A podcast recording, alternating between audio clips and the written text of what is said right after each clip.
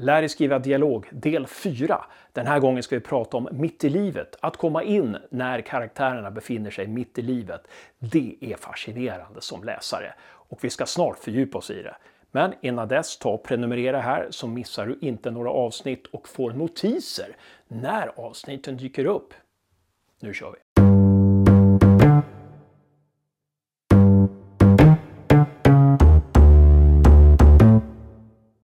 Ofta när jag läser dialog, både i texter av publicerade författare och av outgivna författare, så slås jag av att så många dialoger, så många samtal börjar från noll.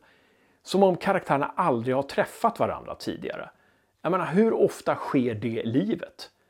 Och det blir ännu mer teatralt när jag förstår att de här människorna faktiskt känner varandra. Men de pratar som om de inte känner varandra. Så hur råder jag bot på det här då som författare? Ja, ett bra knep kan vara att låta personerna som känner varandra verkligen visa att de känner varandra. Nämligen visa att de har hang-ups. För det har ju vi människor gentemot varandra. De människor vi känner, de känner vi ju så pass bra att vi irriterar oss på dem och vi vet ungefär vad de ska säga. Och vi älskar vissa sidor hos dem och vi garvar åt vissa saker hos dem för att det dyker upp igen. Ja, tappar du mjölken idag igen? Jag vet vad ni kommer säga. Kan jag bara få säga att jag fick min cykel stulen? Ofta är det så att man känner till sina kompisars samtalsämnen. Man vet vad de ska säga innan de börjar prata om det.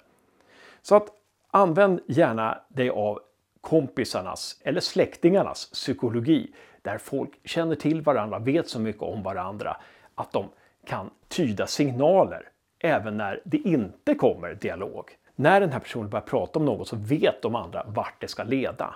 Nej, inte Måns Zelmerlöw igen. Hur många gånger ska vi börja prata om honom i det här fikarummet? Någonting som också är intressant är att komma in som läsare när det pågår ett liv. Det är också väldigt sällan som det sker. Man kan kalla det för in medias res som Horatius sa, när man bara kastas in i sammanhanget. Men jag skulle hellre vilja säga när det handlar om dialog, att få känna av att här har det pågått någonting. Här har det pågått ett liv innan jag kommer in. Alltså livet, världen är redan förberedd. Det finns saker här på plats. Det är som om jag kommer in i ett hem där jag ser att det här, här pågår ett liv. Eller jag kommer in till en ny arbetsplats och ser att jag måste lära mig av, aha, hur fungerar kaffemaskinen här och, och eh, vilka rum kan jag gå in i, vilka rum är låsta? Att komma in så som läsare är faktiskt en otroligt intressant känsla. Så försök att jobba på det viset ibland när du skriver dialog. Karaktärerna börjar med Ja, men vad sa du nu? Var det 17 och 15?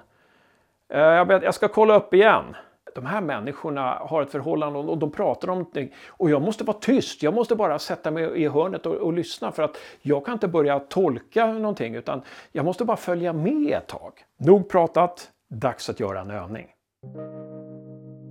Här har jag skrivit en dialog mellan tre personer. Lägg till saker i replikerna som gör att det verkar som om vi kommer in i ett samtal som verkar ha pågått under lång tid mellan folk som känner varandra.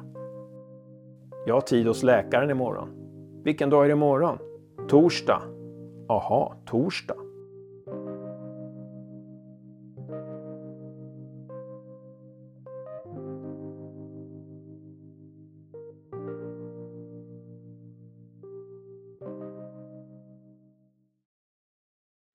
Det var fjärde lektionen i att skriva dialog.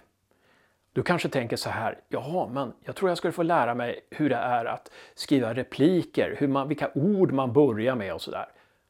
Dialog handlar inte om teknik i första hand. Det handlar om att förstå människor, förstå sig på sig själv och lyssna på folk som sitter på bussen. Dialog, det är verklighet. Men i romanform så är det komprimerad verklighet, komprimerad tid. Det är därför läsaren förväntar sig att det händer någonting i varje dialog.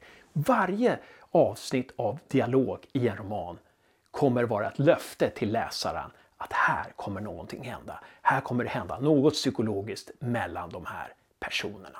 Nu är det dags för dig att sätta dig vid din dator eller padda eller skrivmaskin eller papper och penna och skriva din roman.